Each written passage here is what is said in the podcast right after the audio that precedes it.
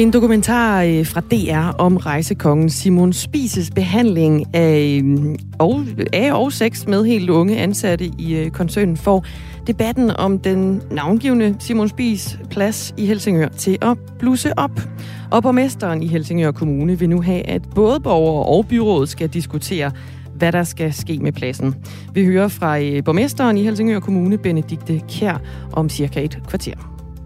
Og øh, så bliver det også en time frem mod klokken 8, hvor vi har et interview med politisk ordfører for Enhedslisten, Maj Villersen. Vi spørger egentlig ret enkelt, kan Enhedslisten være par- parlamentarisk grundlag for en regering hen over midten? Som meningsmålingerne ser ud lige nu, så er der ikke flertal for en rød regering. Mette Frederiksen har udtrykt nysgerrighed over for de blå partier i forhold til at danne en øh, regering hen over midten. De blå partier har øh, ikke udtrykt samme nysgerrighed den anden vej. Øhm, så spørgsmålet er ligesom, hvad er der tilbage for de røde partier, og særligt dem, der øh, befinder sig øh, længst ude på venstrefløjen. Vi taler med Maja Villersen om den sag på dagen, hvor øh, Enhedslisten også har sommergruppemøde. Det starter kl. 10 i dag på Christiansborg, og kl. 11 præsenterer de et øh, nyt klimaudspil. Ja, er den der dejlige Scrabble-pose med bogstaver, der skal rystes, og så skal den sættes sammen på en eller anden måde. Ikke? Vi øh, forsøger lige at lægge sådan, starten af et, øh, et puslespil i dag. Ja, og det, det er jo noget, øh, politikere tit væger sig ved øh, at skulle til at lege bogstavleg, men det, det er jo sådan set ret konkret at tale om bogstaver i den her øh, sammenhæng. Så det gør vi. Hvis du er enhedslisten vælger og sidder og lytter med på det her, eller hvis du kunne forestille dig at stemme på enhedslisten, så vil vi rigtig gerne høre fra dig på 1424. Synes du, at enhedslisten skal støtte en regering ind over midten efter det næste valg? Skriv ind. 1424. Klokken er 7 minutter over 7. Godmorgen. I et åbent brev til Folketinget har mere end 1000 psykologer udtrykt deres bekymring over børn og unges mistrivsel i danske skoler og daginstitutioner. Brevet er sendt forud for de forhandlinger om en ny 10-årig psykiatriplan, der finder sted i Folketinget i morgen, og det har fået flere politikere til at reagere. Cirka halvdelen af underskriverne i det her brev er en del af det, der hedder Pædagogisk Psykologisk Rådgivning, eller PPR, som er et tværfagligt samarbejde mellem skoler, daginstitutioner og kommuner. I brevet der skriver psykologerne, hvordan de hver dag på tætteste hold oplever den stigende mistrivsel blandt børn og unge. Og i går der talte vi med Tine Mølgaard, som er PPR-psykolog i Gribskov Kommune, og en af initiativtagerne til brevet. Og hun er altså ikke i tvivl om, hvad den her mistrivsel blandt andet skyldes. Det vi i hvert fald ved om børn, det er, at det er helt afgørende, at de er omkring voksne, der øh, kan være i ro og kan være nærværende og øh, har overskud øh, og, er, øh, og har deres faglighed på plads. Og det sidste er, er sådan set til stede, men fordi at, øh, at lærere og pædagoger er så presset, så, øh, så vil det, man kan sige, det smitter af på børnene, så, så, den, øh, så det pres, som de voksne har, det vil børnene også mærke. Og derfor så vil vi se øh, et tiltagende børn øh, i, triv, i mistrivsel. Godmorgen, Peter Velblund. Godmorgen. Sundhedsordfører i enhedslisten. Øh, det pres, som lærer og pædagoger arbejder under, smitter af på børnene, fortæller øh, Trine, Tine Mølgaard her. Hvad mener du om den udmelding? Jamen, det er jeg jo fuldstændig enig i, øh, og jeg synes, det er øh, ret påfaldende, at vi har set, hvordan øh, vilkårene i både dagtilbud og i, i folkeskolen gradvist er blevet øh, forringet gennem de seneste adskillige år. Nu har vi heldigvis fået vedtaget minimumsnummeringer i forhold til, til dagtilbud, men, men at de gradvist er blevet forringet gennem øh, de seneste adskillige år, uden at vi egentlig har forventet, at det har haft nogle konsekvenser. Fordi det er jo klart, når du har en, en, øh, en skoleklasse, hvor, hvor der er øh, 25 eller 26 øh, børn og, og kun én voksen, øh, ja, så er det klart, hvis der sidder seks eller syv, som har øh, nogle særlige udfordringer, øh, altså en, en øh, autisme-spektradiagnose, eller øh, mistrivsel, eller øh, ja, ordblindhed, eller øh, der kan være andre elementer, der spiller ind, øh, ja, så er der ikke den tilstrækkelige tid til at sikre, at, øh, at man kan have fokus på dem. Så jeg tror sådan set, der er to spor i det, som, som, øh, som den her bekymringsskrivelse rejser. Altså dels er der spørgsmål om, hvad er det nogle forhold, vi, vi tilbyder i dagtilbud og, og i folkeskolen, øh, og der skal vi sikre, at der er flere voksne omkring børnene, så vi kan sikre, at relationsindsatsen kan blive bedre. Øh, men så er det jo også rigtigt, at der ligger også et element i forhold til de forhandlinger, der går i gang nu omkring en psykiatrihandlingsplan, øh, at vi skal sikre, at de børn, der så er i mistrivsel, de børn, der bliver tidligt opspurgt, at der også er tilbud til dem. Og det er jo blandt andet gennem mm. øh, PPR, og selvfølgelig også en styrkelse af børn- og psykiatrien. Er du overrasket over øh, det, som psykologerne, altså PPR, de her melder om? Jeg vil ikke sige, at jeg er overrasket, men, men jeg synes, det er, det, er jo, øh, det er jo øh, ret vildt, at, øh, at der er tusind psykologer, som, som gør opmærksom på den her problemstilling. Altså det viser jo bare, at, at problemstillingen er ret omfattende. Men det er jo noget af det, vi også har, har kritiseret, både med, med, med folkeskolereformen og, og også derfor, vi har kæmpet for at få uh, minimumsnummeringer i, i dagtilbud, er jo netop spørgsmål om, at vi ved, at det har enorm betydning for børns opvækst, øh, for at mindske den sociale ulighed, men også for at forebygge mistrivsel, øh, at der er tilstrækkelige voksne til at sikre, at, øh, at relationsindsatsen også øh, gør, at, at de, de børn, der af den ene eller den anden grund er i mistrivsel, at dem kan vi, øh, dem kan vi sætte ind over for tidligt. Psykologerne de skriver også i brevet her, at de, jamen, de er ligesom dig, Peter Velblom, heller ikke overrasket over udviklingen. Jamen det ligger jo i, at vi jo, øh, udover hvad vi selv ser til daglig, har hørt øh, lærerne og pædagogerne råbe op i overvis om, at, øh, at de ikke har rammer for at bruge deres faglighed på den bedste måde. Øh, fordi det vigtigste er jo, at vi får børn, som får lyst til at lære, og, øh, og det er jo ikke det, vi ser øh, overordnet lige nu. Vi har hørt lærerne og pædagogerne råbe op i overvis, fortæller øh, psykolog Tine Mølgaard her. Peter Velblund, sundhedsordfører for, for Enhedslisten. Mener du, der har været nok fokus på børn og unges mentale helbred? Nej, det synes jeg, at den situation, vi står i nu, øh, understreger, at det har der ikke. Øh, og det er jo klart, når man også politisk konstant skal kæmpe en kamp mod, mod partier, som snakker om, om nulvækst og, og at vi ikke må investere i det offentlige, ja, ja, så får det jo konsekvenser for de vilkår, der er i, øh, i vores velfærd. Øh, og det er jo både i forhold til, til dagtilbud og, og, og folkeskole, men det er jo også generelt i forhold til, øh, hvornår vi kan sætte tidligt ind i forhold til at forebygge øh, social ulighed og, og ulighed i sundhed.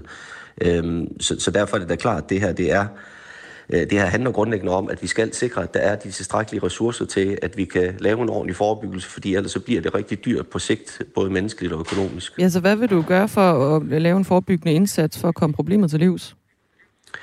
Jamen, jeg tror jo både, det handler om, at vi skal have fokus på øh, vilkårene både i skoler og dagtilbud, altså øh, sikre, at der er tilstrækkelige øh, voksne omkring øh, børnene. Øh, og det handler jo både om at, at, at investere, og men det handler også om, at vi skal se... voksne omkring børnene?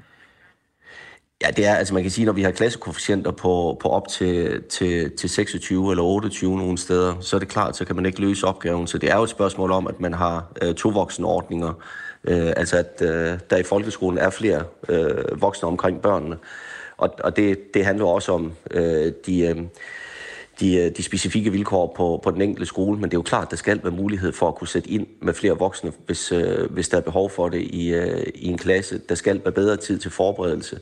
Øh, der skal være, være, være bedre tid til at kunne, øh, kunne sætte ind med en tidlig indsats, altså sikre, at der er de tilstrækkelige ressourcer i, øh, i PPR, øh, så vi netop kan, kan sikre, at de børn, der er i mistrivsel, at dem kan vi øh, gøre en indsats for lød det fra Peter Velblund, der er enhedslistens sundhedsordfører. Nu kan jeg også sige godmorgen til Per Larsen, sundhedsordfører for de konservative. Godmorgen. Du har lyttet med her i de sidste par minutter. Er du enig i det, som øh, Peter Velblund han her øh, lægger frem? Jamen, jeg synes jo, at, øh, at det er øh, rigtig fint, at der kommer sådan en bekymringsskrivelse fra de fagfolk, som har med, de, med børn og unge at gøre i det daglige. Jeg synes også, at Peter han, han peger på nogle, nogle ting, som er væsentlige. Altså, vi har jo kunne se den her udvikling i, i rigtig lang tid rent faktisk, og vi kan se, at vores børn- og unge psykiatri, den er meget, meget belastet, og der er altså nogle ventetider der, som er helt, helt uacceptable for dem, som, som virkelig har behov. Altså, det er øh, børn med angst, og, og, og nogen, som virkelig mistrives. Og det er selv det Hvis her det har med været undervejs dem... i så lang tid, Per Larsen, hvorfor har I så ikke skubbet på for at øh, gøre noget? Ja, jamen det har vi sådan set også. Vi har øh, jo sådan set tækket og bedt regeringen om at komme i gang med at lave en psykiatriplan. Og, og det har vi gjort efterhånden i øh, snart tre år. Øh, og nu kommer der så forhandlinger her, der starter på onsdag, og heldigvis for det, men det er, det er bare ganske ærgerligt, at der ikke er sket noget i, i rigtig lang tid. Fordi at øh, problemerne er jo sådan set bare vokset, og vi har også set, i, øh, at, at covid-situationen, den også har været med til at skubbe lidt på, at der faktisk er flere, øh, der øh, mistrives, og at øh, PPR-systemet, det sander til, og der simpelthen er, er alt for lang der går alt for lang tid, inden der bliver stillet diagnoser, og børnene de får noget hjælp. Og det kan vi simpelthen ikke være bekendt, fordi det er så vigtigt, at alle de kommer med og får et godt liv, sådan så de, har, de trives og, og kan, kan øh, komme i uddannelse og ja, i det hele taget få et godt liv. Det skal vi sikre. Vi hørte jo psykolog øh, Tine Mølgaard for et øjeblik siden, og hun siger, at øh, mistrivselen den blandt andet skyldes, at personalets øh, arbejdspres smitter af på børnene. Er lærere, pædagoger og personale i skoler og daginstitutioner for presset set med, med dine briller? Jamen det øh, kan jeg sagtens forestille mig, altså, men det hænger også lidt sammen med den skolereform, man lavede i, tilbage i 2014. Dels så gjorde man det, som jeg synes øh, var, var uhensigtsmæssigt, nemlig at man forlængede skoledagene. Det betyder jo, at hvis der er nogle børn, som har det rigtig skidt øh, i, i skolen, og som ikke trives, og som måske ikke synes, de slår til, og de måske ikke indgår i øh, det, det sociale fællesskab øh, på en optimal måde, at, at de så bliver fastholdt i en skoledag, som bare er endnu længere, end det de har været vant til tidligere. Det er jo ganske uhensigtsmæssigt. Der har vi jo foreslået, øh, og det var rent faktisk derfor, vi stemte imod, eller et af emnerne, vi stemte imod, dengang, at den skolereform den blev lavet, det er fordi, at det er uhensigtsmæssigt. Det er jo øh, bedre, at øh, børnene de kommer ud i nogle andre fællesskaber, hvor de måske har nogle andre roller og en anden identitet, og de bliver værdsat, og de har succes, frem for at de skal fastholdes i skoletiden i så lang tid. Og så tror jeg også, at der er et problem med, at man rent faktisk har for få lærere i det her land. Altså, der er jo masser af gymnasie, øh, altså studenter, som underviser ude i skolerne, Øh, og, og det havde jo uden tvivl været bedre, at det øh, faguddannede lærere, som øh, tager sig af problemstilling, som har den faglighed, der netop skal til, frem for at man bare tager øh, nogle, nogle studenter, og så siger, nu kan I så undervise de her børn. Peter Velblom, han øh, lagde ud med at foreslå for eksempel en tovoksen ordning i, øh, i klasserne, også bedre tid til forberedelse for lærerne, så de ikke er så presset. Er det noget, du også kan støtte op om? Jamen jeg tror, altså nu har man jo erkendt også, jeg kunne se SF, de var ude og opsige det her altså, skoleforlig, fordi de også har erkendt, at det ikke fungerer, som det skal. Altså, jeg tror øh, simpelthen, man er nødt til at have, have kigget alvorligt på, om også den der øh, inklusionsdel, om det også er, er den rigtige måde, øh, eller man er, måske er gået for vidt der. Fordi hvis det er sådan, at, at det belaster øh, klasserne for mig, at, at der er for meget uro og den slags ting, så, så skal man jo selvfølgelig have kigget på det. Og, og, og alt andet lige, så øh, hvis der er nogle, nogle, nogle klasser, hvor der er nogle udfordringer, så skal man selvfølgelig også sætte ind med de ressourcer, der er behov for. Per Larsen, øh, vi har fået en sms øh, til dig. Du er jo sundhedsordfører for det konservative Folkeparti. Dan Jeppesen skriver, øh, Per Larsen glemmer behendigt at nævne, at hans parti lægger op til at slagte i det offentlige, hvis de kommer til. Kan du afvise, at I kommer til at skære? Ja, det kan jeg i allerhøjeste grad øh, afvise, øh, at, at vi kommer til at slagte noget som helst. Altså, vi har jo øh, en intention om, at vi skal have et velfungerende samfund, hvor at, uh, der er en offentlig sektor, som tager hånd om de problemstillinger, der skal tages hånd om.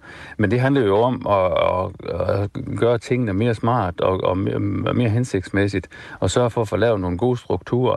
Altså blandt andet noget det her med den her skolereform, som jo nu viser sig ikke har været nogen succes.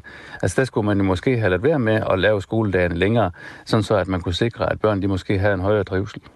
En ting er jo at, at slagte noget andet, det er at beskæringer og besparelser, Per Larsen. Kan du afvise beskæringer og besparelser på skoleområdet? Jamen, det er klart nok, at når, når at øh, man har nogle udfordringer i skolesystemet, så skal man selvfølgelig sørge for, at man højner niveauet. Og det kunne jo blandt andet være i forhold til at uddanne nogle flere lærere, sådan så vi er sikre på, at vi har den lærerkapacitet, der skal til, frem for at børnene de skal et eller andet sted nøjes med nogle, nogle, øh, nogle studenter, som kommer ind og, og, og underviser i skolerne. Vi er nødt til at sikre, at vi har den lærerkapacitet, der skal til. Så lyder det fra Per Larsen, der er sundhedsordfører for de konservative, og det er altså oven på det her øh, brev fra 1000 psykologer, som har udtrykt bekymring over børn og unges mistrivsel i øh, danske skoler og daginstitutioner, som også har fået øh, reaktioner med fra politikere. Klokken er 19 minutter over syv.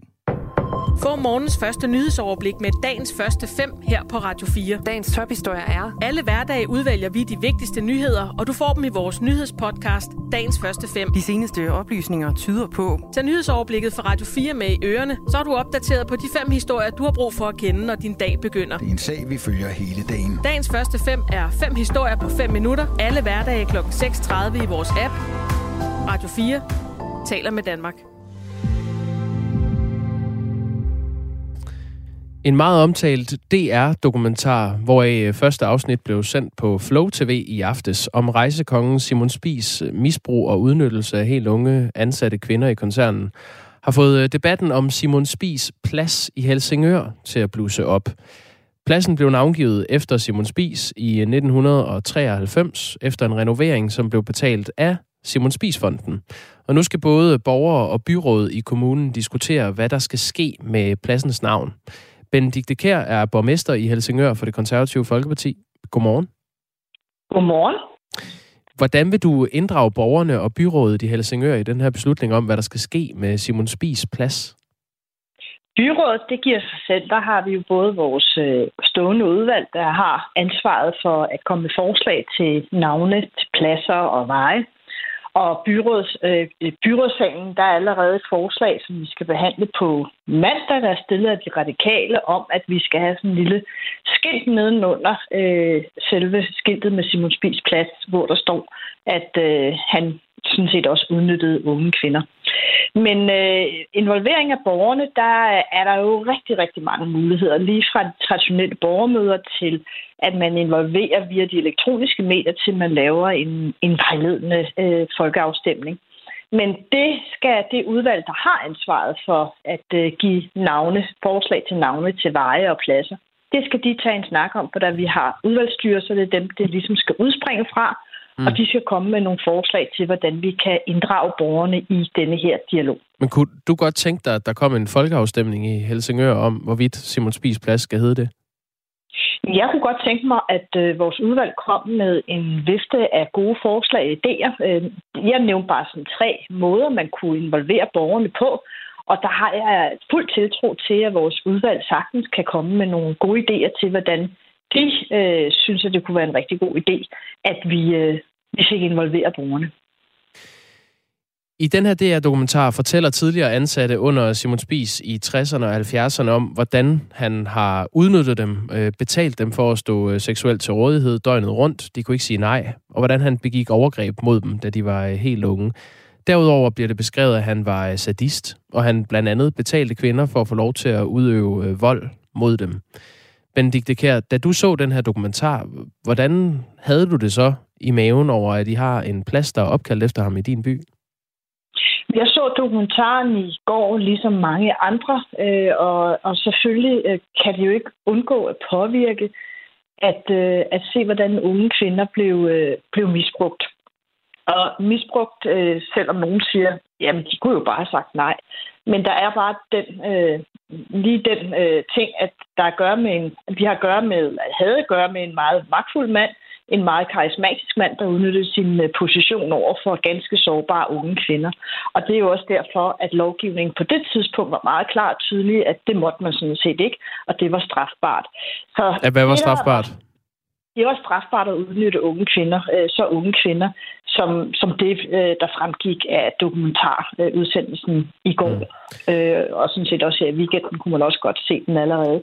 Så, så det er jo det kan jo ikke undgå at påvirke, når man, når man hører øh, kvinder fortælle, hvordan de oplevede det som ganske ung, og hvordan de bare øh, fik flyttet deres grænser, og bagefter sidder med nogle meget, meget voldsomme ar på sjælen. Og, øh, og, og nogen siger, at det var jo en anden tid. Jamen, en anden tid, det var sådan set også ulovligt dengang. Øh, det, som, øh, det, som fremgår af den her dokumentarudsendelse. Så, det, så man kan ikke bare bruge den der betegnelse. Det var en anden tid, og det bliver vi nødt til at acceptere. Vi får ellers, Nej, Benedikt, anden... kan, vi, vi får et par sms'er, der går lige på det der nemlig. Øh, der står i for eksempel den her fra Kenneth. Kong Christian den 4. havde en hekseordning, hvor hundredvis af kvinder blev brændt på bålet. Skal alle statuer og vejnavne navngivet efter ham ændres? Lad spis hvile i fred. Synes du, det er sammenligneligt? Ja, det, det, Nej, det synes jeg faktisk ikke, fordi det er net det, jeg peger på, at der er stor forskel på, øh, på øh, hvad der var lovligt dengang, da Christian den 4. levede, og hvad der er ulovligt i dag. Altså, hvis man begik noget, der sådan set også var ulovligt i sin samtid, så synes jeg, det er relevant, at man tager en, øh, en, en debat om det, også fordi det sådan set ikke er mere end nogle få årtier siden, at øh, Simon Spies levede. Så det er sådan set både i vores levetid, Og samtidig havde vi jo også den situation, at den lovgivning, der var på det tidspunkt, meget klart og tydeligt sagde, at det, han gjorde på det tidspunkt, var hammerne ulovligt. Det kan man simpelthen ikke sammenligne med øh, nogle af vores forfædre, som begik øh, handlinger i deres levetid, som vi i dag ikke synes øh, var i orden med vores målstok. Lige, det er en anden ting. Ja, lige, lige et, øh, et ja-nej-spørgsmål. Kunne Simon Spies få sådan en plads opkaldt efter sig i Helsingør i dag? Nej, det kunne han ikke, fordi man har nogle meget klare regler om, at hvis man har gjort noget, som, som ikke øh, ja, som overtræder lovgivningen, øh, og også den lovgivning, der var på det tidspunkt, eller rettere sagt, den lovgivning, der var på det tidspunkt, hvor personen levede, så kan man ikke. Men pladsen blev opkaldt efter ham i 93. Der vidste man jo også godt, at han havde overtrådt lovgivningen i så fald. Jamen, det er jo derfor, at øh, vi er i fuld gang med at finde den gamle sag. Øh, det er øh, i papirarkiverne, vi er i gang med at lede, for det ligger jo rigtig, rigtig mange år siden tilbage, at øh, da man besluttede sig for, at den her plads skulle hedde Simon Plads. Det er knap 30 år siden, og derfor er vi også nysgerrige på, at, øh, at få at vide, hvad man havde gjort sig overvejelser dengang, hvis man overhovedet havde gjort sig nogle overvejelser. Mm. I dag der gør vi os den slags overvejelser, når vi skal give en ny øh, vej, en navn eller en plads et navn, så går vi altid ind og kigger, øh, hvordan øh, den enkelte person, man skal navngive efter, hvordan personen øh, øh, ja, overholdt personen lovgivningen på det tidspunkt, hvor han levede, og den lovgivning, der var på det, det tidspunkt, den okay. person levede. Det, det var et lidt langt øh, svar på et ja-nej-spørgsmål. Men nu, jeg tager lige en sms her fra... Fordi, jeg, jeg forstår godt, det er kompliceret. Ja, nej, nej, nej, noget, jeg nej, nej. ikke ved, fordi jeg sådan set nej. ikke boede i kommunen for 30 år nej. siden. Dan har skrevet en sms. Tjek Venstres øh, viceborgmester fra Helsingørs holdning til de piger. Det er godt nok skræmmende. Og lad os lige høre, hvad hun øh, mener om det. Det er Mette Lene Jensen. Hun er første viceborgmester i din kommune for Venstre. Vi har interviewet hende i går, og hun mener, at Simon Spies plads skal beholde sit navn. Vi har alle sammen vidst dengang, at der var morgenbolledamer. Vi har alle sammen vidst, at en ældre herre, der kunne rende rundt med så mange unge piger, der var nok et eller andet, som ikke skulle være det kan vi ikke bare gå ind og lave om på øh, i dag. Vi har ikke opkaldt denne her plads, fordi at Simon Spies havde en vulgær indstilling eller var et pervers svin. Vi har opkaldt den her plads, fordi han var bysbarn og var en fantastisk iværksætter, som introducerede øh, danskerne for charterbranchen.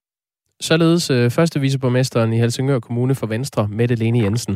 Og øh, med live har vi altså Benedikte Kær, som er borgmester i Helsingør for det konservative Folkeparti. Benedikte Kær, mener du, at pladsen skal ændre navn? Jeg har helt klart en holdning til, hvad vi skal gøre med den her plads, men som øh, jeg har sagt til alle, der har spurgt mig, at den vil jeg gerne holde, til mig selv, holde for mig selv, indtil vi har taget en god øh, debat med borgerne. For ellers så kommer det til at handle om, øh, det hele vil komme til at handle om, hvad jeg mener. Øh, og det synes jeg sådan set ikke, at øh, den her debat fortjener. Jeg synes, vi skal ind og tage en fordomsfri øh, debat med borgerne, mm. hvor vi kommer hele vejen rundt, og så tager vi en beslutning derefter. Men jeg synes ikke, du har sagt meget positivt om Simon Spies i det her interview, så ret mig, hvis jeg tager fejl. Du synes, den skal ændre navn? Nej, det vil jeg simpelthen ikke øh, sige, om jeg synes, den skal ændre navn eller ej, fordi jeg har en holdning, men øh, jeg vil simpelthen vente med at komme med den holdning til, øh, vi har været igennem en øh, god debat med borgerne, og vi skal tage en beslutning. For så kommer det til at handle om, hvad jeg synes, og det mm. synes jeg ikke, vi skal i gang med nu. Så, så du vil faktisk du vil have det fint nok med, at Simon Spies Plads fortsætter med at hedde det, hvis borgerne bakker op om det? Det har jeg ikke sagt noget om. Men hvis borgerne nu peger på, at den ikke skal skifte navn, vil du synes, synes det er en god beslutning? Når jeg lægger op til, at vi skal have en øh, dialog med borgerne, så er det fordi, vi skal lytte til borgerne, og jeg tager sådan set det, øh, borgerne øh, har af holdninger i den her sag, fordi der er rigtig mange holdninger, og vi er meget splittet i den her sag. Det er jo sådan set allerede øh, illustreret med øh, dit interview med, øh, vores øh, viceborgmester. Mm. Jamen altså, hvis der er en, en stor, øh, et stort flertal, der vil den ene vej, men så synes jeg, at vi skal respektere det, fordi vi ligger op til, at vi skal inddrage borgerne og høre borgerne i denne her sag. Og det er sådan set deres holdninger, der skal være med til at vejlede byrådet. Så lød det fra øh, Benedikte Kær, som er borgmester i Helsingør Kommune for det konservative Folkeparti, og altså øh, lægger op til, at både borgere og byrådet skal inddrages i den her beslutning. Og der er altså lige nu et øh, konkret forslag fra Radikale Venstre i kommunen om, at Simon Spis øh, skal have, altså Simon Spis plads skal have en messing tavle, hvor der står, at Simon Spies ændrede danskernes rejsevaner, men også udnyttede unge kvinder. Ja, der er flere der på ligger den lige nu. øh, sms'en, som mener, at øh, pladsen skal skifte navn.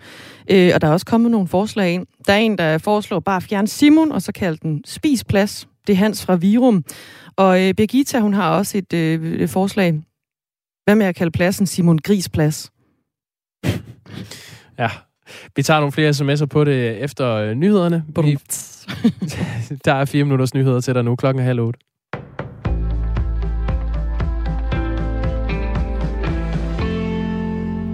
Selvom Blå Blok skulle få nøglerne til statsministeriet efter næste folketingsvalg, ser det ikke ud til, at der er flertal for, at et nyt udrejsecenter skal ligge på øen Lindholm. Venstre og de konservative er fortsat fortaler for projektet, men først Dansk Folkeparti og nu Danmarksdemokraterne afviser Lindholm som placering for centret. Der er sket rigtig mange ting på Lindholm, der gør, at øen ikke længere er relevant, siger gruppeformand Peter Skorup fra Danmarksdemokraterne til Sjællandske Medier. Han peger på, at der er kommet flere udgifter til, siden den daværende VLAK-regering og Dansk Folkeparti præsenterede Lindholm-planen i 2018. Parterne ville placere udvisningsdømte kriminelle på øen i Stegebugt. Øen ligger for sig selv midt i bugten og kan nås med båd. Det var, lød resonemanget fra de blå optimale betingelser for at undgå utryghed i nærområdet. Men da den socialdemokratiske regering kom til i 2019, lød vurderingen, at det ville blive for dyrt og besværligt. Den daværende udlænding og integrationsminister Mathias Tesfaye sagde, at en overnatning på øen koster det samme som en overnatning på et luksushotel. Klima-, energi- og forsyningsminister Dan Jørgensen er nu alligevel klar til at undersøge, hvor mange der uberettiget har fået udbetalt varmesjekken på 6.000 kroner. Vi synes, det er godt at få et overblik over det. Det er det, jeg har bedt min styrelse om at undersøge nu, siger ministeren til TV2. Det skal ske gennem et kritisk eftersyn, men hvordan det præcis skal foregå er uklart, skriver TV2. Lørdag lød det ellers fra Dan Jørgensen, at en undersøgelse ikke var på papiret hos regeringspartiet. Han fortalte desuden, at partierne bag aftalen udmærket var klar over risikoen for fejl inden udbetalingen. Det fremgik også af lovforslaget. I sidste uge fik godt 400.000 husstande udbetalt checken til at betale de høje gasregninger, selvom flere af dem har skrottet deres gasfyr for længst. Det er ikke lovpligtigt for modtagerne at tilbagebetale beløbet. Det er nemlig skrevet ind i loven, at de kan beholde pengene, hvis det ikke overstiger 6.000 kroner. De uberettigede udbetalinger er imidlertid sket, fordi oplysningerne i BBR-registret enten var forældet eller forkerte. Det er boligejerne selv, der har pligt til at rette oplysningerne i registret. Kommunen skal efterfølgende godkende det.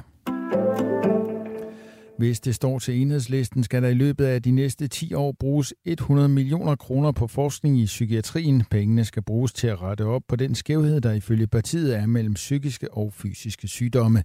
Det fortæller psykiatriordfører Pernille Skipper. Forskning i psykiatrien er ifølge hende alvorligt underfinansieret i forhold til fysiske sygdomme, og her er forskningen afgørende for at sikre, at flere bliver uddannet og specialiseret inden for området. Vi skal styrke forskningen, og vi skal gøre det med rigtig mange penge, sådan så at det ikke bare bliver symbolsk, men også noget, som kommer til at betyde noget for at få en bedre behandling og øh, ja, øh, en, en større chance for at få det bedre for de mennesker, som får en psykisk sygdom. Pernille Skipper mener, at de gange, man førhen har prøvet at gøre noget for psykiatrien, har det været med klatinvesteringer, der skulle forsøge at lukke hullerne i sektoren. Men med de forestående forhandlinger skal det være slut. I morgen begynder forhandlingerne om en 10-årsplan for psykiatrien, og det er her forskningspengene kommer ind. Nu står vi over for at skulle lave en 10-årsplan for psykiatrien. Forhandlingerne starter øh, onsdag, og vi, skal, øh, og vi skal gøre rigtig, rigtig mange ting. En af de vigtige ting at få gjort, det er altså at få styrket forskningen, sådan så at det bliver en 10-årsplan, hvor vi på den anden side af de 10 år også kan sige, at vi både ved mere og forbedret behandlingen, og, og udover selvfølgelig at få ventetiderne ned osv. På Bornholm skyde først på dagen, men ellers kommer der nogen sol flere steder, og i den vestlige del af landet lokale byer, der kan være med torden. Vi får temperaturer mellem 22 og 27 grader.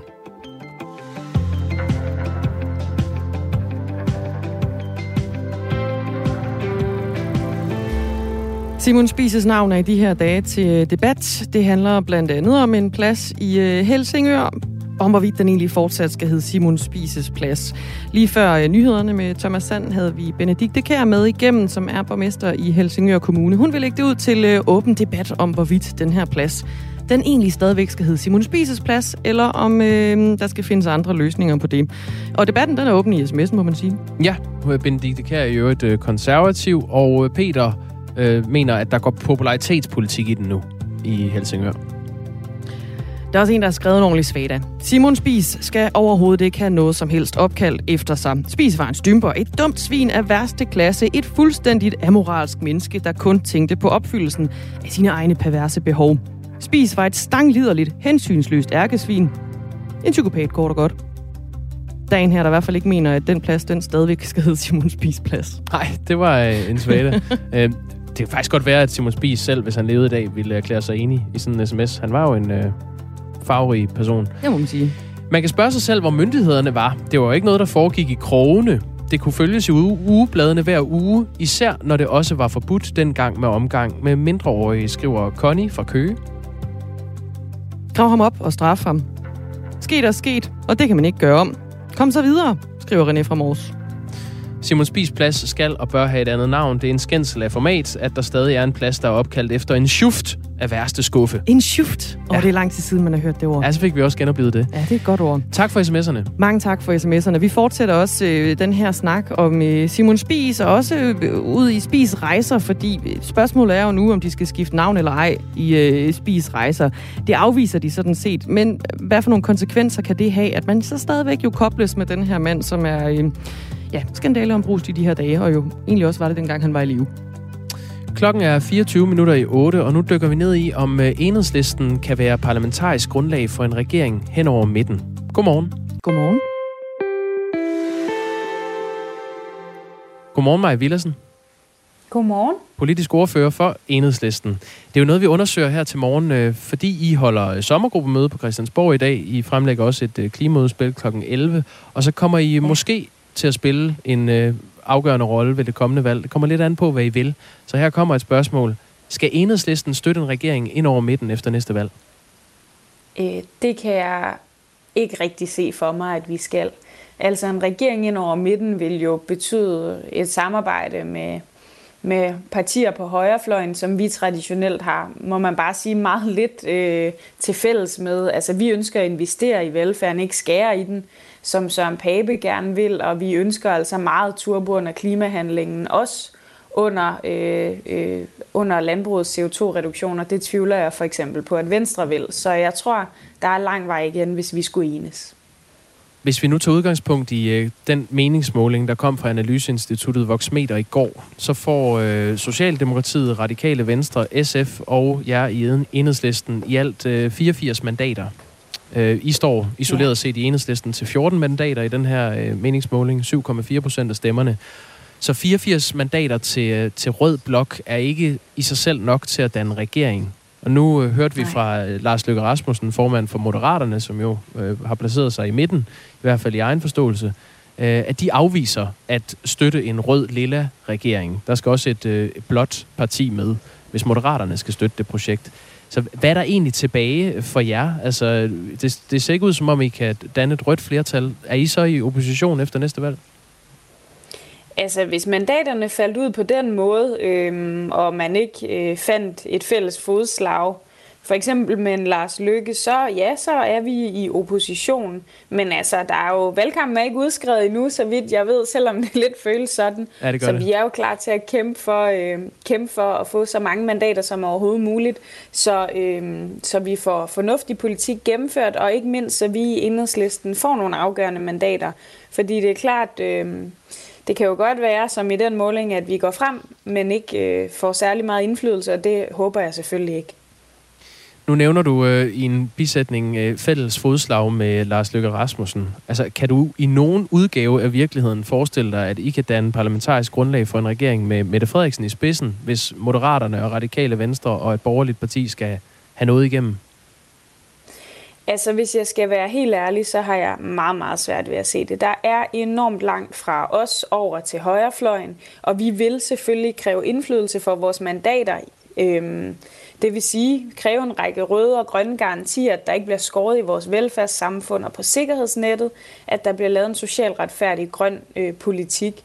Og hvis Lars Lykke kan skrive under på det, så er vi selvfølgelig klar til at forhandle, men jeg, øh, jeg tvivler ærligt talt på det. Han har jo brugt hele sit liv... Øh, faktisk hele sit liv nærmest på højrefløjen, på at føre blokpolitik derover, så jeg kan ikke rigtig se, øh, se det fælles fodslag. Så vi skal virkelig ud og have hævet nogle stemmer, øh, stemmer over midten, øh, og, og have gjort enhedslisten stor, øh, hvis det skal lykkes, at vi får indflydelse. Ja, fordi hvis, hvis valget øh, kommer til at ligne den meningsmåling, der kom fra Voxmeter i går, så, så anerkender du også, så kommer I til at være i opposition til en ny regering i enhedslisten. Ja, det ser unægteligt sådan ud. Heldigvis så, øh, så kan man sige, så, øh, så det er ikke altid, at meningsmålingerne kan forudsige, hvordan krydset egentlig bliver sat på valgdagen, og lurer mig om ikke, der går lidt tid før valgdagen trods alt er her. Det er jo øh, både interessant for enhedslistens vælgere, hvad I vil gå med til, og hvor den røde linje er i forhold til, hvem I vil pege på og sammen med hvem. Men det har også stor betydning for, hvilke mulige scenarier der er øh, tilbage for de røde partier, når det kommer til at danne regering efter det kommende valg. Øh, derfor har vi ringet til medlemmerne i hovedbestyrelsen i Enhedslisten, også for at finde ud af, hvor, øh, hvor baglandet i partiet står i forhold til det her spørgsmål. Og der, øh, det er jo sådan, I, I har jo kollektiv ledelse i Enhedslisten, ikke? Der er hovedbestyrelsen og forretningsudvalget, og så er der jer i Folketingsgruppen på, på Christiansborg, hvor du altså er politisk ordfører. Der er 25 mm. medlemmer af hovedbestyrelsen. De fleste medlemmer har ikke ville svare på, om Enhedslisten kan være støtteparti for en midterregering i dansk politik. Det er sådan, der er 14 ud af de 25, der har afslået at svare, Syv er ikke vendt tilbage. Men der er også nogen, der, der gerne vil snakke. Og vi har blandt andet talt med øh, Benny Dahl, som er medlem af hovedbestyrelsen i Enhedslisten. Og han, øh, han sagde sådan her, da vi spurgte om, om Enhedslisten skal støtte en regering ind over midten i, øh, i dansk politik. Jeg tror ikke, det kommer til at ske. Øh, og grund til, at jeg ikke tror, det kommer til at ske, det er, fordi vi kigger ind i en recession eller en krise. Og der er, har både Socialdemokratiet og de borgerlige politikere jo en, en tendens til at skærpe den borgerlige øh, økonomiske politik og det vil enhedslisten ikke kunne støtte. Så omstændighederne gør også, at det er meget, meget svært at se os deltage i en regering hen over midten. Og Anders Pedersen, som øh, er medlem af både hovedbestyrelsen og øh, forretningsudvalget i Enhedslisten, han svarede øh, sådan her. Hvis de vil for Enhedslisten politik, så kan vi godt. Hvis de ikke vil, så kan vi ikke. Så det ser altså ud som om, Maja Villersen, det hører der egentlig heller ikke anfægte, at I kommer ikke til at have noget at gøre med en, en regering efter det kommende valg. Ja, det håber jeg da bestemt, vi får, men øh, det kræver jo selvfølgelig, at der kommer flere mandater over midten øh, i forhold til de meningsmålinger, vi ser nu. Øh, men jeg er helt enig i det, der bliver sagt i de interviews. Altså, vi er et venstrefløjsparti. Øh, vi samarbejder selvfølgelig øh, til dagligt med alle partier på Christiansborg, med et regeringssamarbejde med højrefløjspartier. Det har jeg uendelig svært ved at se, at vi skal indgå i. Men hvis I nu kunne indgå nogle kompromiser, og så få lidt indflydelse, for eksempel på øh, klimapolitikken, som jeg ved øh, ligger jeg meget på sinde, når I har det her klimaudspil senere i dag, vil det så ikke være bedre, end at stå og, og råbe som opposition? Jeg tror, det er rigtig vigtigt, at skal man indgå i øh, et regeringssamarbejde, eller skal man indgå i et flertal, så skal den grundlæggende retning være noget, man er enige om. Det synes jeg også selv, vi i enhedslisten har lært, da vi i nogle år var parlamentarisk grundlag for Helle Thornings regering, som jo førte en enormt højorienteret økonomisk politik. En politik, vi var meget uenige i, og det gav rigtig, rigtig mange diskussioner, skænderier øh, og frustrationer i det samarbejde. Derfor synes jeg, det er afgørende vigtigt, at de partier, der arbejder sammen og har et flertal, sætter sig sammen og laver en aftale om, i hvilken retning øh, politikken skal føres i vores land. Jeg tror, må jeg bare sige, at sådan en politik på midten af, midten af, midten af dansk politik, sådan et regeringssamarbejde, bliver rigtig dysfunktionelt. For jeg kan ikke se, hvad det er, de skal samarbejde om. Nogle vil mindre klimahandling, andre vil mere. Nogle vil investere i velfærden, andre vil øh, skære i den. Nogle vil fjerne efterlønnen, andre vil ikke. Altså, jeg synes stadig, alle dem, som prædiker et samarbejde over midten, har til gode at sige, undskyld, hvad er det, I skal samarbejde om? Og derfor kan jeg også have meget svært ved at se, at vi i enhedslisten øh, kan få særlig meget ud af at indgå i det arbejde, så vil vi hellere være i opposition. Emil fra Vestfyn skrev tidligere til os, øh, at enhedslisten skal ikke støtte en regering hen over midten. Og så skriver han så, der er for langt mellem partierne. Jeg er allerede forarvet over, at min stemme er gået til dette cirkus, som denne valgperiode har været. Skammer mig over, at enhedslisten ikke har været hårdere sammen med radikale. Jamen, Emil peger jo på, at det er rigtigt, der også er store uenigheder i det, øh, i det parlamentariske flertal, der er i dag. Vi er enige om retningen på nogle bestemte områder, på velfærd, på grøn omstilling, men for eksempel udlændingepolitikken er vi øh, meget, meget uenige om. Og der må jeg bare sige, at jeg ikke forstår, hvorfor øh, radikale som vi jo ellers traditionelt er enige med på udlændingepolitikken og klimapolitikken, ønsker at bejle ind over højrefløjen, altså en højrefløj, som har lyst til at basere deres stemmer på, på en Inger Støjberg, Pernille Vermund, Morten Messerschmidt, som er, øh, altså står for det stik modsatte end, end os. Mm. Så derfor så, øh, så ser vi ind i ja, noget dystert, hvis ikke vi forventer målingerne, og det håber jeg virkelig, virkelig, vi kan. Der er også en, der skriver, jeg har altid stemt på enhedslisten, og mener, at enhedslisten og SF og Socialdemokratiet bør lave en rød trekløverregering. Det, det kræver jo så, at I får øh, stemmer nok til det, øh, Maja Villersen. Bare lige her til sidst. Det gør det. Håber det du, gør det, altså. Ja, håber du, at, øh, at vi får et øh, folketingsvalg snart? Øh, nej, ikke nødvendigvis. Altså, øh, jeg synes, vi står med rigtig store problemer for vores samfund, som jeg frygter er sådan en valgkamp øhm, kan forhindre, at vi handler på. Altså vi står i en bullerne klimakrise, men vi står sådan set også i en økonomisk situation, hvor nogle mennesker har ondt i maven næsten dagligt over at betale regningerne og deres dagligvarer, og jeg er bange for, at en valgkamp øh, ligesom kan fryse situationen så meget, så, øh, jamen, så der ikke bliver handlet på de presserende øh, områder. Og så er jeg selvfølgelig også bange for, at med radikales trussel, at de så ærligt talt tvinger magten over øh, til Blå Blok og Støjbær, og det er da øh, et mareridt scenarie for enhedslisten og, og for mig. Så derfor øh, så synes jeg da, at øh, de skulle tage at trække øh, truslen tilbage og, øh, og se på, hvad øh, der gavner politisk. Så lyder det altså fra Maj Villersen, som er politisk ordfører for øh, Enhedslisten. Et parti, som i dag har sommergruppemøde. Det begynder klokken 10 på Christiansborg, og klokken 11 præsenterer Enhedslisten et øh, klimaudspil. Maj Villersen, som altså er enig med de øh, fire øh, hovedbestyrelsesmedlemmer, to af dem sidder også i forretningsudvalget, som vi har været i kontakt med i Enhedslisten, som over en kamp siger, at de har svært ved at se Enhedslisten være støtteparti for en regering ind over midten. Øh, vi kommer til at tale med vores politiske redaktør, Thomas Larsen, øh, for at se på, øh, på, hvilke muligheder der er, øh, sådan set fra en politisk analytikers øh, brilleglas, når, øh, når enhedslisten øh, har fået sine stemmer. Og de andre partier, selvfølgelig, det, næste valg. Det er jo alle sammen, der samler stemmer ind, jo. Klokken er 13 minutter i 8. Den finske statsminister kan ånde lettet op eller tage en glad sving om en lørdag aften, måske med sine venner i hvert fald. Der er ikke fundet nogen stoffer i den finske statsminister Sanna Marins narkotest. Sanna er ren. Sanna er ren. Hmm. Øh, tænk engang, at man nogensinde altså, skulle komme dertil, hvor man skulle sige den sætning. Statsministerens også, narkotest. Øhm, nogle gange, det, det er sådan lidt en balancegang, hvornår man øh, giver sin mening til kende øh, som vært på sådan mm. et radioprogram, hvor man er objektiv og arbejder sådan, øh, og det gør vi jo. Men jeg forstår simpelthen ikke, hvorfor det var nødvendigt, at hun skulle tage en narkotest oven på det der. Altså, det var en video... Oven på det her? Ja. Det, man ser på den video, du spiller lyden fra nu, det er jo bare, at hun danser øh, og ser glad ud og øh, skaber sig som andre som andre mennesker gør. Ja.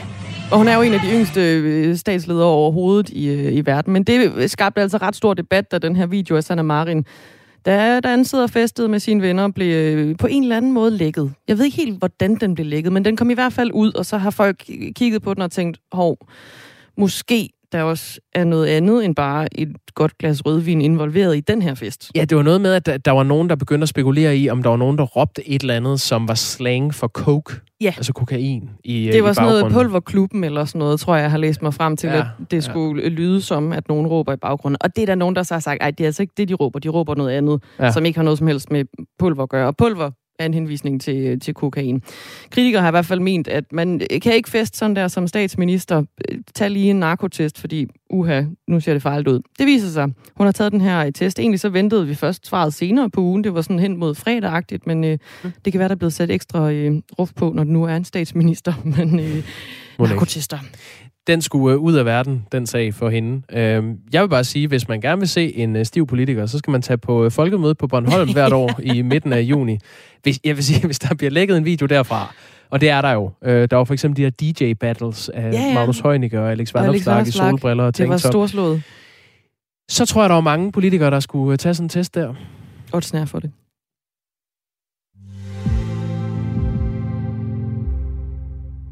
Danmarks største rejseselskab, Spis Rejser, bærer navnet på den mand, som startede det hele. Det er jo Simon Spis. Men nu slår en dokumentar fra DR fast, at Simon Spis tilbød kvinder penge for at stå seksuelt til rådighed for ham. Piger, som han selv kaldte morgenbolledamer. Men dokumentaren, den folder også beskyldningerne om udnyttelse, overgreb og også vold mod meget unge piger ud. I et skriftligt svar til Radio 4, der siger Spis Rejser, at de tager skarp afstand fra de forkerte handlinger i øh, 70'erne, som beskrives. Det har intet at gøre med Spis Rejser i dag og vores nuværende ejere eller ledelse. Men Spis Rejser har altså ikke tænkt sig at øh, ændre navn. Til gengæld så tager de øh, afstand ved ikke længere at bruge Simon Spis i deres markedsføring, skriver Jyllandsposten. Vi skal runde hele det her med Sune Bang, som er kommunikationsrådgiver og branding-ekspert. Godmorgen, Sune. Godmorgen. Simon Spies han døde jo tilbage i øh, 84, og derfor så har Spies rejser øh, ikke noget med ham at gøre i dag. Men kan man godt skille ting ned på den måde, som rejseselskabet lægger op til? Altså, det er i hvert fald noget, vi har set i rigtig mange andre, øh, både lande og også for den sags skyld her i Danmark, at, øh, at, at vi pludselig så indhenter fortiden øh, navne, øh, Uncle Ben øh, ris i, øh, i USA, eller ekstremt mange universiteter. Vi har også set Eskimo-is blive ændret herhjemme, øh, fordi at vi pludselig fik en forståelse for, at, at øh, ordet Eskimo faktisk er nedladende og koloniseret. Øh, og her der er turen så kommet til spis nu her, hvor at der udvikler sig ikke i slow motion, men i latterlig hurtig fart, øh, altså virkelig, virkelig hurtig fart, en, en, øh, en kæmpe krise, hvor at de næsten ikke kan nå at følge med deres øh, kommunikationsafdeling. Og som, som dansker og som forbruger, kan man så godt skille øh, altså spis rejser fra personen Simon Spis?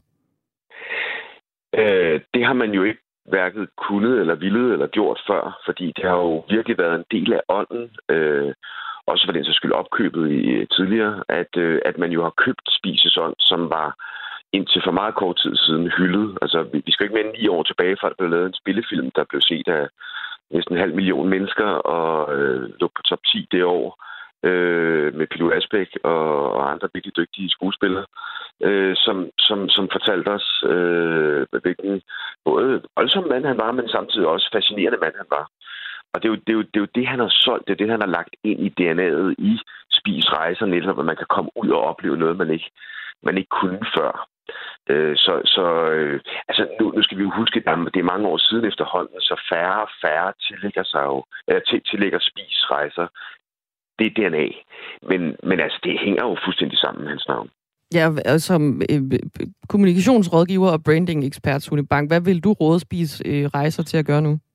Altså det, øh, som, altså der er jo en del øh, analyse af det her i øjeblikket, og, og det som de forsøgte, og som jeg også var inde på i faktisk går i en anden sammenhæng, det var at vente og se, om den her sag, den voksede sig så stor, så, øh, så, så, så det var nødvendigt, øh, fordi det er en stor beslutning at skifte navn.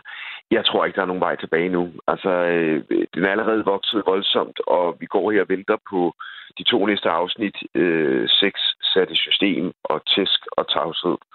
Altså, det er, det er, øh, det er utvivlsomt så voldsomt, det vi kommer til at se, så det i nutidens øjne simpelthen ikke er acceptabelt. Så, øh, så, så jeg, jeg tror, at de bliver presset til skifte Navnet Spis Rejser refererer til vores ambitioner om at give vores gæster de bedste ferieoplevelser. Det er Spis Rejser i dag, og derfor har vi heller ingen planer om at ændre navnet. Sådan lyder det altså i et skriftligt svar fra øh, Spis Rejser til, øh, til Radio 4. Det er sådan en ret kategorisk afvisning af, af en navneændring, så hvad, hvad tror du, det kan betyde for dem, hvis de holder fast i den her i retning, de har sat lige nu? det er presset bare vil vokse større og større, og det er det, vi ser ret ofte i krisesager, det er, at vi skal tænke på deres tilgang. Altså nu nævnte jeg også lige det her med for ni år siden, og det er altså ikke så lang tid siden nu. Nu skal Helsingør også forholde sig til, om de skal ændre en plads tilbage til Svingelporten, fordi at, at den hedder Simon Spies. Øh, hans mor kommer også derop fra, så, så han er jo hyldet overalt i Danmark indtil nu. Øh, og nu kommer den, den mørke side frem, og når, når, vi, når, når teatre overvejer at stoppe øh, op, hvad det, forestillinger af Holberg, fordi at han bliver linket sammen med eventuelt slavehandel, som var normalt dengang, men som naturligvis i dag er fuldstændig uacceptabelt, jamen så, så uh, tror jeg ikke, at, uh, at Spis kan overleve, fordi han stadigvæk er en del af vores hukommelse. Så, uh, så jeg, jeg lad os tale sammen om et par dage, så lad os se, hvordan at de har reageret, fordi jeg tror bare, presset bliver for stort. Sune Bang, der er jo måske en forskel på Simon Spies-sagen og så andre sager, hvor det pludselig kommer frem, at en eller anden person har været pædofil eller et eller andet øh, frygteligt. Ja. Simon Spies forbrydelser har jo i grove træk været kendt i offentligheden i mange år. Altså, vi har, vi har vidst, at han havde morgenbolledamer, vi har ikke helt kendt omfanget, og det er det, der lige bliver, øh, bliver recappet i den her øh, DR-dokumentar, ja, med krydret ja, med lidt ja. nye oplysninger, også om, at han øh, tilbød en prostitueret kvinde 35.000 for at brække hendes arm. Det var jo et, et tilbud, hun afslog osv. Men kan det, ja. ikke, kan det ikke have betydning for, hvor hård en shitstorm øh, Spis rejser kommer i nu? Jo, men et eller andet sted er det vel også, at øh, i det øjeblik, at det bliver konkret, øh, fordi som du selv siger, og vi kender begrebet morgen, morgenbolddamer, og vi har grinet, og vi har, vi har kigget skævt til hinanden og sagt, sikkert han lever livet, og det samme med Hugh Hefner for den så skyld, med Playboy, som der også er... Altså i det øjeblik, det bliver konkret, og vi så ser de øh, grænseoverskridende handlinger, der har været, så er det, at vi i nutidens lys ikke accepterer det. Øhm, og det her begreb, øh, det, den her udtalelse om, at det var en anden tid, øhm, den er virkelig, om ikke blevet cancelet, men virkelig skubbet over til hjørnet, fordi det accepterer man ikke. Men jeg tror, at vi på et tidspunkt i den her, øh, den her nye øh, fokus på, hvordan vi skal opføre os, godt øh, bliver nødt til at forholde os til det begreb en anden tid. Fordi det er jo ganske simpelthen ikke sådan, punkt et, at de mennesker, der levede dengang, alle sammen var mere onde end i dag.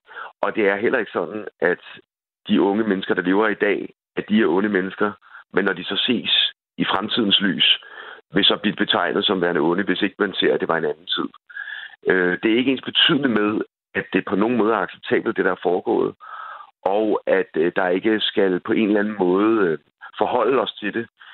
Men spørgsmålet er jo selvfølgelig, om alle statuer af tidligere øh, øh, personer skal rives ned, når vi ser det i det, de øjne, vi har i dag. Og den, den, den større erfaring og det klogere, vi er blevet, øh, det, er jo, det er jo i virkeligheden det helt interessante i den her diskussion, synes jeg.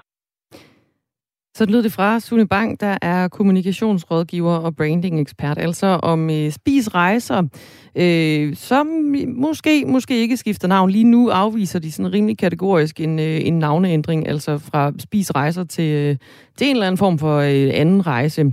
Vi øh, arbejder videre med den her historie, fordi senere på morgenen, cirka øh, klokken 20 minutter over 8, så skal vi også tale med en af de kvinder, som rent faktisk kendte Simon Spis, og som er øh, blevet tilbudt penge for at have sex med ham. Og hun mener, ligesom øh, Spis rejser gør, at en navneændring overhovedet ikke er løsningen. Der er en, der skriver her i en sms, hold da op, journalister har gjort deres arbejde godt dengang. Og det, altså sarkasmen er tydelig i den sms, og det kan man jo også godt det er jo rigtigt nok, det har de ikke gjort. Men der er også nogen, der gjorde det. Øh, det fremgår i blandt andet i den øh, podcast, det er også har udgivet i forbindelse med den her tv-dokumentar. Podcasten hedder I skyggen af solkongen Spis, og øh, bygger altså på interviews, som også med, er, er med i øh, tv-dokumentaren. Jeg vil sige, den er anbefalesværdig. Øh, godt fortalt. Og øh, der taler de blandt andet med en journalist, som var mange år blandt andet på Se og Hør. Han lavede faktisk en historie med en, øh, en ung pige, der kontaktede ham. Øh, hun var blevet gennembanket, fortalte hun, af Simon Spies, og havde blå mærker over det hele. Og øh, de tog øh, billeder af hende, altså en fotograf, og han skrev historien. Og så ventede han egentlig på, at den kom på forsiden næste dag. Det gjorde den bare ikke. Han blev kaldt ind på øh, chefens kontor, en chefredaktør, som han ellers havde øh, høj agtelse øh, overfor, men fik at vide, at øh, den bringer vi ikke. Det var lige godt grov. Ja, det kommer ikke til at ske. Den kommer ikke i, øh, i vores øh, blad, og øh, det skete så heller ikke. Så der var altså også Der var en nogen, vis indflydelse arbejdet. fra Simon Spies side. Han var en magtfuld mand og kunne bestemme meget. Per har skrevet en sms ind. Angående spis, kan vi ikke lige bevare roen og trække vejret dybt. Vent seks måneder og se, om det stadig er lige vigtigt. Inden vi ser os om, skal vi til at ændre navne på veje og broer, fordi vores konger og prinser gennem tiden har misbrugt deres stilling over for deres tjenestefolk, skriver Per ind. Ja, der er også flere, der har skrevet ind om øh, Christian den 4., at han, øh, der var vist ikke rigtig noget, han lod være uprøvet. Øh, vi har jo Christiansborg. Skal vi så skifte navn på den bygning? Uh, hvad kunne den hedde? Noget andet borg? Politikborgen? det, det kunne også bare hedde Borgen. Ja, det ved Jane jeg for ikke. åben mikrofon. Ved du hvad, vi tager ikke stilling til det. Vi trækker vejret øh, meget dybt.